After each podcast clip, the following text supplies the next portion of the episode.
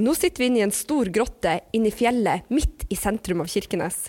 Her inne satt kirkenesværingene mens bombene regna ned over byen. Det var helt vanlig for folk i Kirkenes å gjemme seg her inne.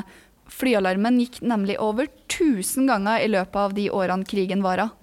Jeg syns det er pinlig at jeg ikke ante noe som helst om at Øst-Finnmark ble befridd av Sovjetunionen i 1944. Ja, eller at Kirkenes var den mest utbomba byen på det europeiske fastlandet, med unntak av eh, Valletta på Malta. Og vi to kommer begge to ifra Nord-Norge. Hvordan er det da andre plasser i landet hvis ikke vi visste om de her tingene? Ja, til og med i de nyeste lærebøkene i historie så står det jo minimalt om krigen i nord. Verken om krigshandlinger, okkupasjon som var her, dagligliv eller om partisanene sitt arbeid. Hvis Finnmark i det hele tatt nevnes, så er det i forbindelse med tysk tilbaketrekkelse, da de brukte den brente jords taktikk og etterlot bygd etter bygd i aske. Til og med i de lærebøkene som brukes i historiefaget her i Kirkenes, hvor det faktisk skjedde, så står det in nesten ingenting om at Øst-Finnmark ble befridd av Sovjetunionen. Og det står minimalt eller ingenting om at Kirkenes hadde en utsatt posisjon, bare 14 mil fra de råeste, de kaldeste og de seigeste frontene under den andre verdenskrig. Nemlig Litsa-fronten. Det var herifra, altså fra Kirkenes, at tyskerne skulle invadere Sovjetunionen. Målet var havnebyen Murmansk. Og det gjorde jo dette området utrolig viktig for den tyske hæren. Over 200 000 soldater var ved fronten, og mellom 70 og 100 000 soldater befant seg her i Sør-Varanger. Det kan av og til virke sånn. Altså, kan det være at det bildet vi har av historiefaget som objektivt, kanskje ikke er helt objektivt likevel? Det får vi jo ikke vite i dag, men i dag så får vi vite veldig mye annet spennende. Ja, fordi vi skal få møte en mann som opplevde krigen på nært hold. Vi skal få høre om dagliglivet helt på grensa, og hvordan det var å se som liten gutt på 11 år 1400 sovjetiske befriere marsjere forbi huset der han bodde. Det blir så spennende! Velkommen til podkasten Helt på grensa. Og i dag er dagens tema, som du kanskje skjønt, frigjøringa av Finnmark.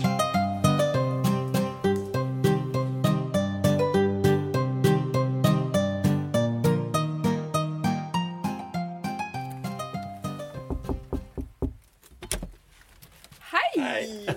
Hallo! Tusen takk. Så nydelig det var her oppe. Var det? Ja, har du svaner nede på vannet? Ja, ja, Vi er på besøk hos Ragnar Dahl og kona Svanhild, som bor idyllisk til i Pasvikdalen. Ragnar er en av få som fortsatt kan fortelle om hvordan det var å leve under krigen i Sør-Varanger. Han bodde i grense Jakobselv, seks mil fra Kirkenes sentrum, der familien drev et lite gårdsbruk, og faren jobba som lærer. Nei, den har ikke jeg bakt. Den er ikke jeg har, det har. Ragnar som har bakt den. Han, han bruker å bake den i byen. Å ja, sånn er det. Ja, det er veldig greit. Vi er nysgjerrig på hvem han bodde i lag med, og hvordan hverdagen var under krigen. Ja, altså jeg bodde jo sammen med eh, far og mor, og så hadde jeg jo en eh, bror som da kom til etter hvert og ble født like før krigen.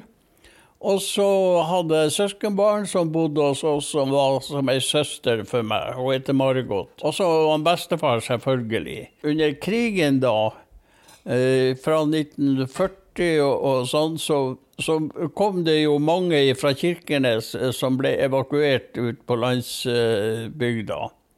Og eh, de bodde i gammelstua. Der var det to rom. Eh, på- I de to rommene der så var det vel på det meste åtte-ti mennesker eh, som bodde. Så dere måtte altså huse flyktninger ifra nabobyen Kirkenes? Det, det var jo vanlig, for det var jo nesten i alle hus i, i grensen så var det Ja, på nabohuset Der har jeg gitt opp å telle hvor mange de kunne ha vært, for det at de måtte ha vært bare i det huset der en 12-15-20 mennesker som bodde der. Men det var jo ikke bare de lokale som trengte plass å bo. Hvordan merka dere at det var så utrolig mange tyskere i Sør-Varanger? Det sies jo at det var 200 000 tyskere i området. Og fikk du møtt dem, og hvordan så dere det? Til tider kunne det nok være 200 000, og spesielt på slutten. For da, da, kom jo alle dem som var fra Litsa igjennom Kirkenes for å komme seg videre vestover. De var jo her på å, å hvile. Og de, noen har jo vært her etter krigen og blitt spurt om eh, hvordan det var å være på Strand, f.eks. Å være i Sør-Varanger. Og det var deilig, for det var så stille. Og det kan man godt forstå når de har ligget ved Litzafronten noen måneder, at det var deilig og stille å komme hit. Hvordan merka du krigen som liten gutt? Var du redd? Eh, ja. Jeg husker en gang så så jeg et fly som kom og var på vei fra Kirkenes. Hadde vært der og bomba. Og så var det en russisk eh, En tysk jager som for og kretsa. Og det minte meg om ei kråke som hadde vært og plyndra et skjurere. Nei, et eh, trostereir, og at det var trossen som fløy rundt. For det at de fløy rundt, og det uh, skjøt, og så kom det eh, fra det russiske bombeflyet bom, bom, bom, bom. Så, så med, eh, de hadde sikkert sånne mitraljøse kanoner som de skjøt med. Men etter hvert eh, så ble man eh, redd flyene, for det at eh, på slutten så var det ikke bare ett fly som kom, men da var det, da var det på hundrevis nesten. Og når de flyene hadde vært på Kirkenes og bomba, så la bombeflyene seg ned imellom fjellene, for, og så lå de russiske jagerne over og beskytta bombeflyene. Uh, og da ble det jo et sabla leven.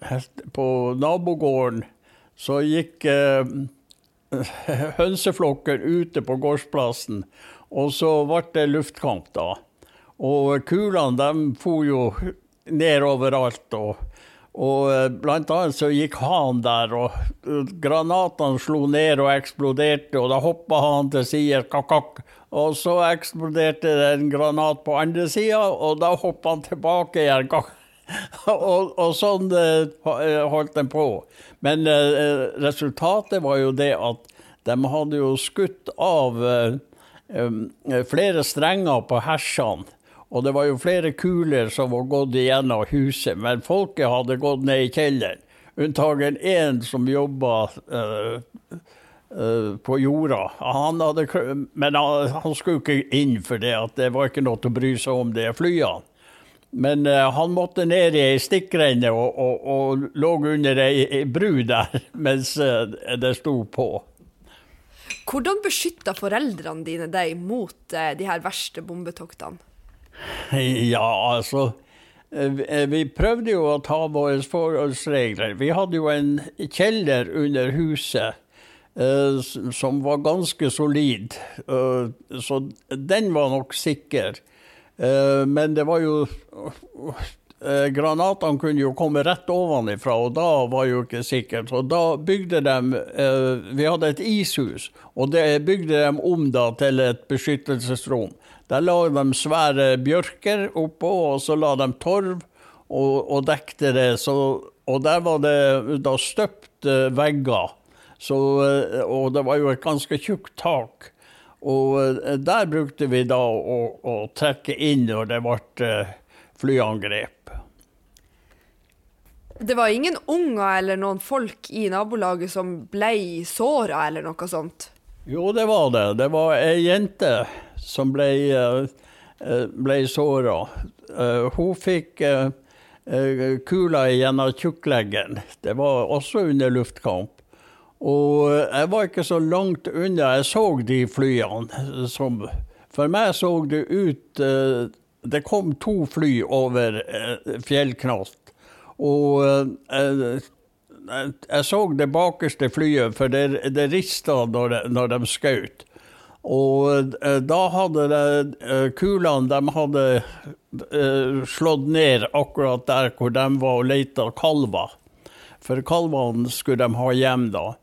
Og da fikk hun kula gjennom tjukkleggen. Og, og en av guttene som var med, han fikk kula som gikk gjennom skjorta.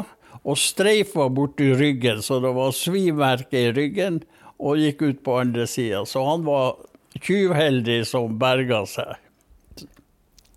Var du noen gang redd for uh, flyene når du var ute? Å ja, det var jeg. Jeg hadde jo mange ganger hoppa på steiner for å komme over elva, og så uh, når jeg skulle hente kyrne. Og skulle jo også den gangen hoppe på steinene for å komme over til der kyrne var. Og var kommet midt ute i elva, så kom flyene tilbake igjen. Og da var det en som fikk det travelt. Jeg skulle kikke opp i lufta og se hvor flyene var, og holde kontroll med dem, og hoppe på steinene og bomma. Og forsvant mellom to steiner fordi at elva var såpass djup der. Så det var bare hatten som lå igjen på elva og fløyt. Kirkenes var jo den, en by hvor flyalarmen gikk veldig ofte. Opplevde du det noen gang der, og hva gjorde du da?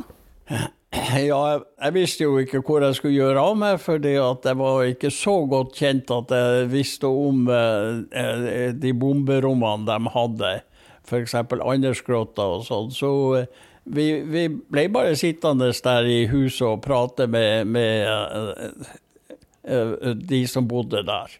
Men uh, jeg må si det at magen min var ikke helt god, for jeg kjente det godt at her skulle jeg ha hatt litt mer kontroll med hva jeg gjorde. Du var jo ikke gamle gutten der du satt inne i et hus da og hørte at flyalarmen gikk og ikke hadde noe bomberom å gå til? Nei, jeg var vel da ni-ti år. Så, så, så, så jeg var ikke så fryktelig gammel. Hvordan var det å være i Kirkenes, for det var jo veldig stor tysk tilstedeværelse, og byen var jo ganske utbomba. Hva tenkte du når du så byen, og hvordan det var blitt der? Ja, altså Vi så jo det at det var hus som forsvant eh, for hver tur eh, vi var i byen. Og vi prøvde jo å korte ned oppholdene da på Kirkenes eh, så mye vi kunne. Det var jo om å gjøre å, å komme seg bort fra byen. Men eh, dere, altså det, det, var veldig mye flyaktivitet, og tyskerne, det var et veldig viktig område for tyskerne. og Derfor så kom de russiske flyene og bomba. Men da lurer jeg på, var det liksom russerne dere var mest redd for, eller var det tyskerne? For begge to holdt jo på i luftrommet. Nei, altså det var jo mest tyskerne. For russerne, altså eh, Vi skjønte jo det at Eh, russerne bomba jo ikke den, uh, ville jo ikke bombe det norske folket. Men de, visste jo, de visste jo heller ikke hvor bombene alltid traff. Og når tyskerne bygde f.eks. brakkene sine imellom sivile hus, så, så var, ble de jo utsatt. Så det var jo faktisk uhell som gjorde det. At man, ja, at det, gikk eh, mennesker, norske mennesker med. Men det, det hendte seg jo flere ganger at det var noen som ble drept. Kan du fortelle om oktober måned for 74 år siden? Ja, altså Det begynte jo uh, den uh, 8.-9. oktober da eh, merka vi jo det at krigen kom nærmere. Vi hadde jo hørt bombinga langs Tyskveien, som vi kalte den veien fra Jarfjord over til Petsamo. Da begynte de første uh, soldatene, tyske soldatene å komme. Og uh, de ble ikke godt mottatt, for de hadde jo svikta og hadde jo rømt unna fronten. Det kom stadig flere og flere. og Eh, mot slutten eh, så kom det også en Fenrik. Og han sa det at han trodde han var den eneste overlevende eh, fra eh, kompaniet. Fordi at eh, brua i Petsamo ble sprengt, og de var på østsida av brua og måtte over til vestsida og måtte svømme over eh, Petsamoelva. Eh, han sa jeg er god å svømme og svømte mye under vann. Så jeg, jeg slapp over. Men jeg hørte skytinga og skrikinga fra der resten av kompaniet svømte over litt lenger ned. Så han frykta for at han var den eneste. Nå er vi jo kommet til 8.-9. oktober. Ja. Men dere kunne jo ikke være i, i huset deres hele tida mot frigjøringa. Hvordan utbredte resten av måneden seg? Ja, altså eh, Vi var jo der så lenge vi kunne være der. Men bak eh, Bjørnhaugen så var det ei sånn fjellkløft. Og der var det ramla en gang i tida en stein ned. Og den steinen var som et kjempehus. Og under der var det jo mange rom, faktisk. Og eh, så gikk vi dit opp. Jeg sa til dem at eh, bli med, så går vi dit. Og så gikk vi dit og så. Og, og der fant de jo ut at der var jo fint å bo. For det, at, eh, for det første det jo, kunne vi jo se ned til husene. Og vi kunne se nedover faktisk hele dalen. Og vi kunne også være trygg for det at uh, det var beskytta av den fjellkløfta der. Og, og, den steinen var jo så svær at uh, om det var en, en, fulltreffer av ei bombe, så har jeg sikkert ikke rikka den steinen åt. Så under der laga vi da til og tetta åpninger med ris og mose, og tok også med oss uh, ullfilter som vi hengte for, og, og så, sånn at det ikke skulle komme ut noe lys. Og fordi at uh, vi, vi, lå jo der og hadde jo med oss uh, flaggermuslykter, parafinlamper, som vi lyste opp om kveldene. Og der laga de jo også mat, for vi hadde primus med. Og de laga mat der så vi kunne spise, og det skjedde jo under den steinen.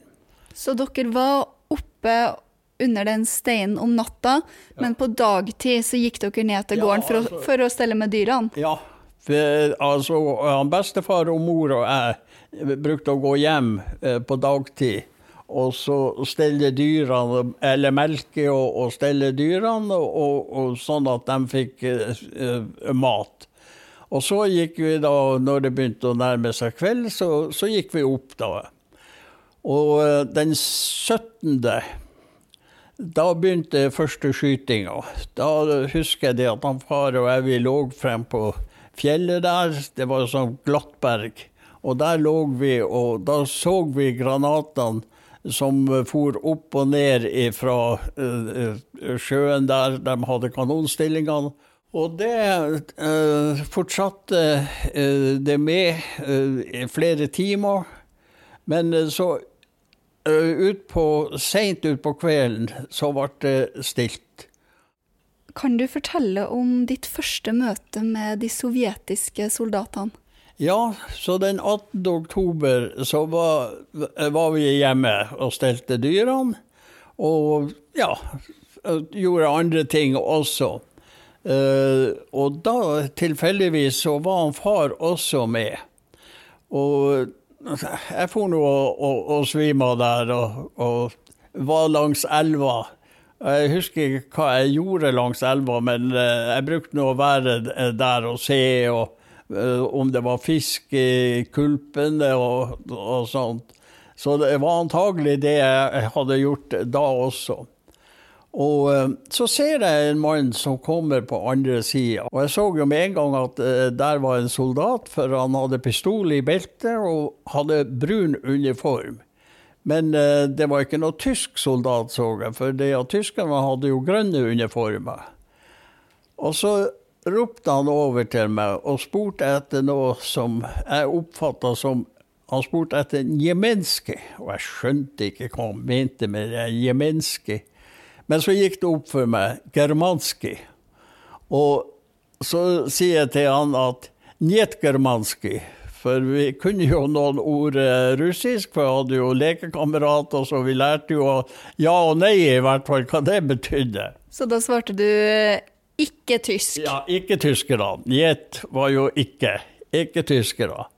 Og da snudde han seg mot skogen, og så uh, ropte han noe. og Da røste det seg opp en svær, kraftig mann. Uh, og med masse medaljer og pistol i beltet og stav i handa. Og sammen med han så røstet det seg opp 16 mann.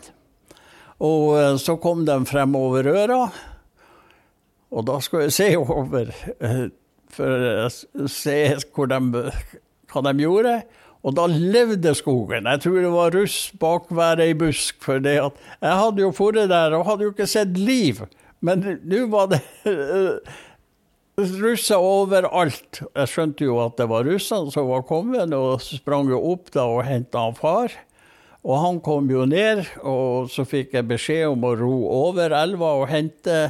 Og eh, ja, så kom det vel over en syv-åtte ut av de der eh, offiserene, for det viste seg jo det at det var offiserer da.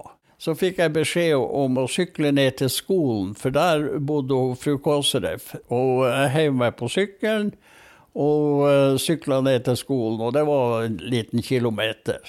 På veien så måtte jeg sykle forbi nabohuset, og han eh, som husverten, han sto ute på, på trappa. Og så ropte han 'Er det skjedd noe på Heimdal?' For han så jo den farta jeg hadde på sykkelen. Og jeg hadde ikke tid å svare han. Jeg bare, bare sykla nedover til skolen og fikk tak i Senja. Og så på hjemveien så kunne jeg fortelle han det at russerne var kommet over der hos oss. Og så kom jo Senja, og så sto de da og prata en par timer. Og da eh, tok russerne farvel, for de hadde ikke fått beskjed om å krysse den norske grensen. Så de eh, for da tilbake, og jeg rodde dem tilbake. Om kvelden eh, så har jeg aldri sett eh, russesida så opplyst, for det var bål i bål hele veien innover. Og vi brukte å si det, at var det to russer sammen, så var det et bål. Og det var da massevis av bål. Jeg er sikker på det var flere hundre bål inni en av skogene der. For hele lia var opplyst av bål. Men til slutt så kommer jo russerne over. Hvordan var det? Fikk dere med dere det på nært hold? Ja da, altså Natta gikk jo. Uh, han Far han sov jo ikke stort den natta, for han uh, frykta jo for at uh, hadde tyskerne ligget oppe i fjellet og sett at han hadde kontakt med russerne, så ville det bli farlig for oss. Så han gikk oppe faktisk hele natta. Klokka syv morgenen etter, for vi var tidlig oppe som vanlig på gårdene den gangen, så kom det over noen russere, offiserer, og spurte om de kunne få låne noe plank som vi hadde liggende på elvebredden der. For de skulle bygge bru over elva. Og det hefta ikke å få bru over elva. De var oppe i skogen, pionersoldatene, og høgde bjørk og laga bukker. Og så hadde de streng som de hengte store steiner for at de bukkene skulle stå i strømmen. Og så la de de plankene eh, over.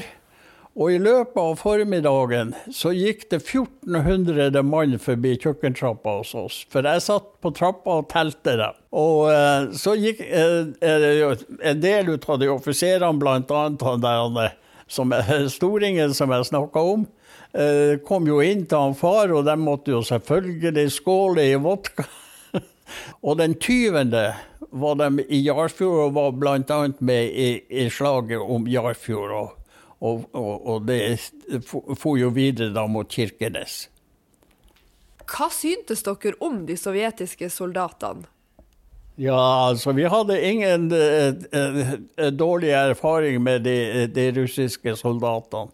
For det var ingen av dem som kom og sa det at vi skal ha de og de rommene.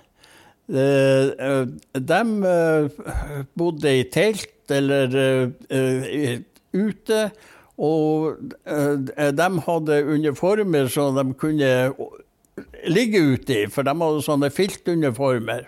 Men var, de hadde ganske streng disiplin blant russerne også. Det var jo slik i Russland at som, mange av de som satt i fengsel, fikk valget om å eh, bli med i krigen og ble sendt i første rekke. Og hvis de berga seg, så etter krigen, så var de fri. Da hadde de sona si straff. Så det var jo ikke alle som var mor beste folk som kom. Og eh, det fortelles ei historie som jeg husker fra da. Eh, eh, det var en nordmann som hadde gått der, og så kom det en russ og så spurte han hva klokka var. Ja, han nordmannen kikket på klokka da, som han hadde på armen, og da tok russen klokka ifra han. Så gikk han nordmannen bort til, til, en russisk kaptein som kom gående der, og så sier han det at han der han tok klokka mi. Og kapteinen tok opp pistolen og skjøt han. Men det var sikkert eh, sånne som da eh, hadde sluppet ut av fengsel, og som da skulle prøve å overleve eh, eh krigen. Men som ikke klarte å la være å, å, å, å gjøre noe galt, og, og fikk da den straffa. Det er jo eh, Men han, eh, han nordmannen som eh, var da og sa han angra på det etterpå, at han hadde eh, gått til han og sagt det. For så mye var ikke klokka verd at det var verdt et menneskeliv. Ikke at man skal skyte noen for å stjele en klokke, men det virka jo som de hadde veldig stor respekt for de norske som bodde der, og at de ikke kom for å okkupere. Ja, altså det er Eh, slik som jeg oppfatter det, så, så var de venner. Og, og, eh, de kom jo inn da sånn som eh, når de trengte hjelp. Og så fikk de jo hjelp, og, og, og så jo det at her var det folk som kunne hjelpe dem. Men vi hadde et godt forhold til russiske soldater. Blant annet eh, hadde vi et rom på loftet som vi kalte for russeloftet. Og eh, det skjedde da ut på vinteren i 44-45. Så var det jo en avdeling som lå nede ved sjøen i grensen. Og så skulle de komme med proviant fra Petsamo. Og det var is på elva, og så hadde de kjørt etter isen, og så hadde hestene gått igjennom elva, og, og, og så noen russer hadde gått igjennom. Sånn at uh, midt på natta, sånn i ja, ett-tida, så banka det på hos oss. Og uh, da vi kom det flere russere som spurte om, om de fikk lov å komme inn, om de, vi kunne ta inn de våte hestene. Og eh, det gjorde vi. Vi sto jo opp alle sammen. Og uh, uh, tok jo inn de hestene som var våte, i fjøsen. i tomme kubåser, og, og, så ellers uh, Vi hadde noen stolper, sånne støttestolper som sto der, hvor hestene ble bundet. De som var våte. Eh, de som var tørre, dem tok vi inn i, i høysjåen, så de fikk stå der. Og russerne kom da inn, og så bodde de eh, Fikk de da det rommet eh, til mor og far, de flytta ut, og der lå de. Og han som var sjef for dem, han heter Peter.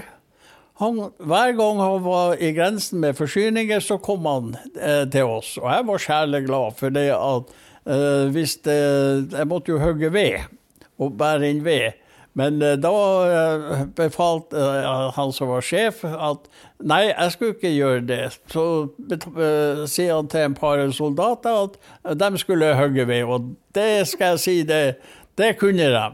De, veden jo, hadde jo saga opp fra før av, og de gikk midt opp i vedungen med hver sin øks, og det var bare å komme seg unna fordi at vedskiene fløy i alle retninger. Og det hefta ikke mange eh, lange tider før eh, all veden var kløvd opp. Når det gjaldt russerne, så kom de en, en overløytnant en dag til han far, og så spurte han om uh, de skulle ha uh, kløvvei over til Petsamo, uh, fordi at så de kunne uh, få forsyninger til den avdelinga som lå nede ved sjøen i grensen. Han, eh, far han prøvde, forklarte han jo hvor eh, de måtte gå. Men eh, så sier han der russen om ikke han hadde tid å være med og være los over til Petsamo. For han far han var jo kjent da over til Petsamo også, for der gikk de jo mange ganger. Det var greit, det. Skulle, skulle være med. Og så kom han der overløytnanten, og han hadde vel med seg ti-tolv ja, mann. Og vi gikk oppover dalen. Og uh, da vi hadde gått uh, noen kilometer, så tok vi en pause. Og mens vi hadde den pausen der, så, så sier han det at jeg måtte bli med han. Ja, jeg ble nå med, og så gikk vi ned mot elva. Og så tok han en håndgranat, og så sier han det at jeg skulle kaste den håndgranaten.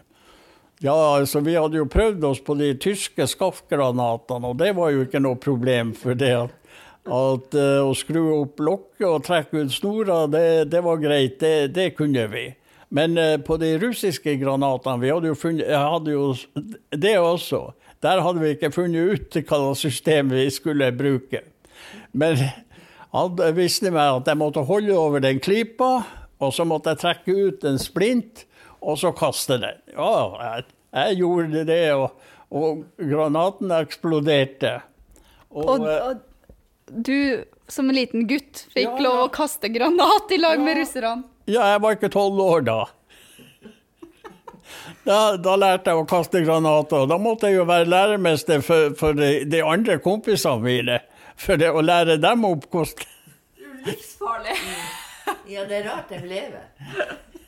ja, og han imponerte meg, han der overløytnanten, fordi at uh, uh, mens vi satt der så var det en eh, kvist som gikk over stien.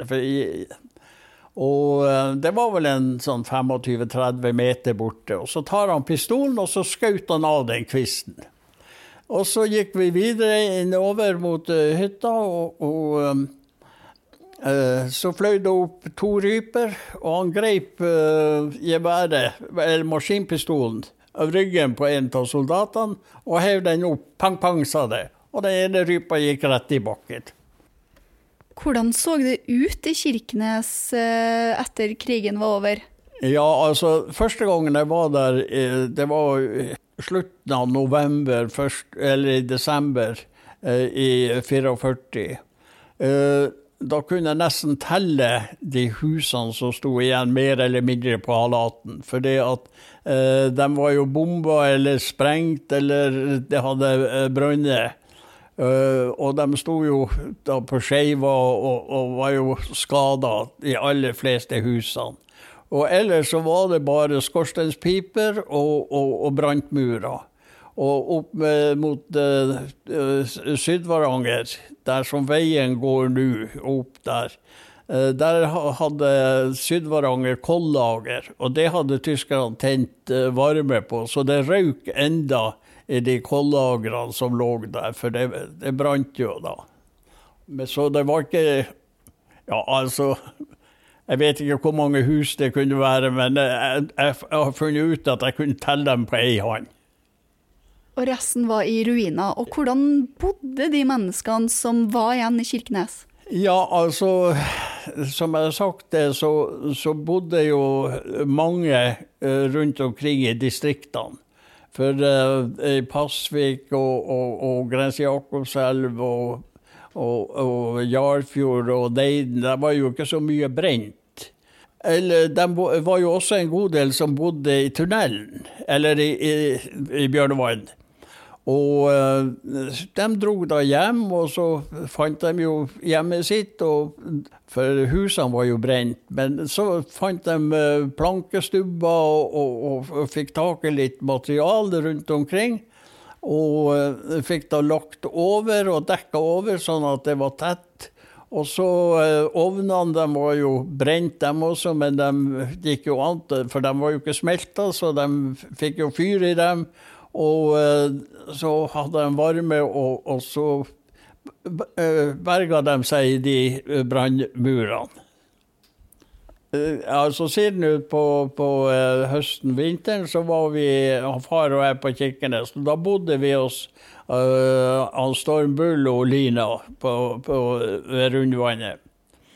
Og så ble de invitert på, på russefest, og de hadde ei brakke der like før du kjører over mot uh, Boris Kleb. Uh, og, der hadde de ei brakke, og der hadde de laga til. Og jeg tror alt som kunne krype og gå, folk var samla der.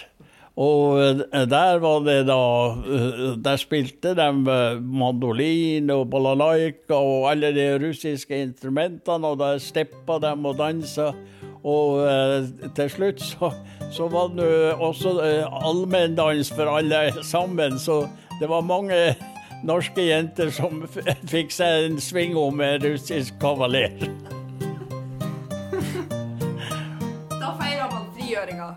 Da, da kunne de feire.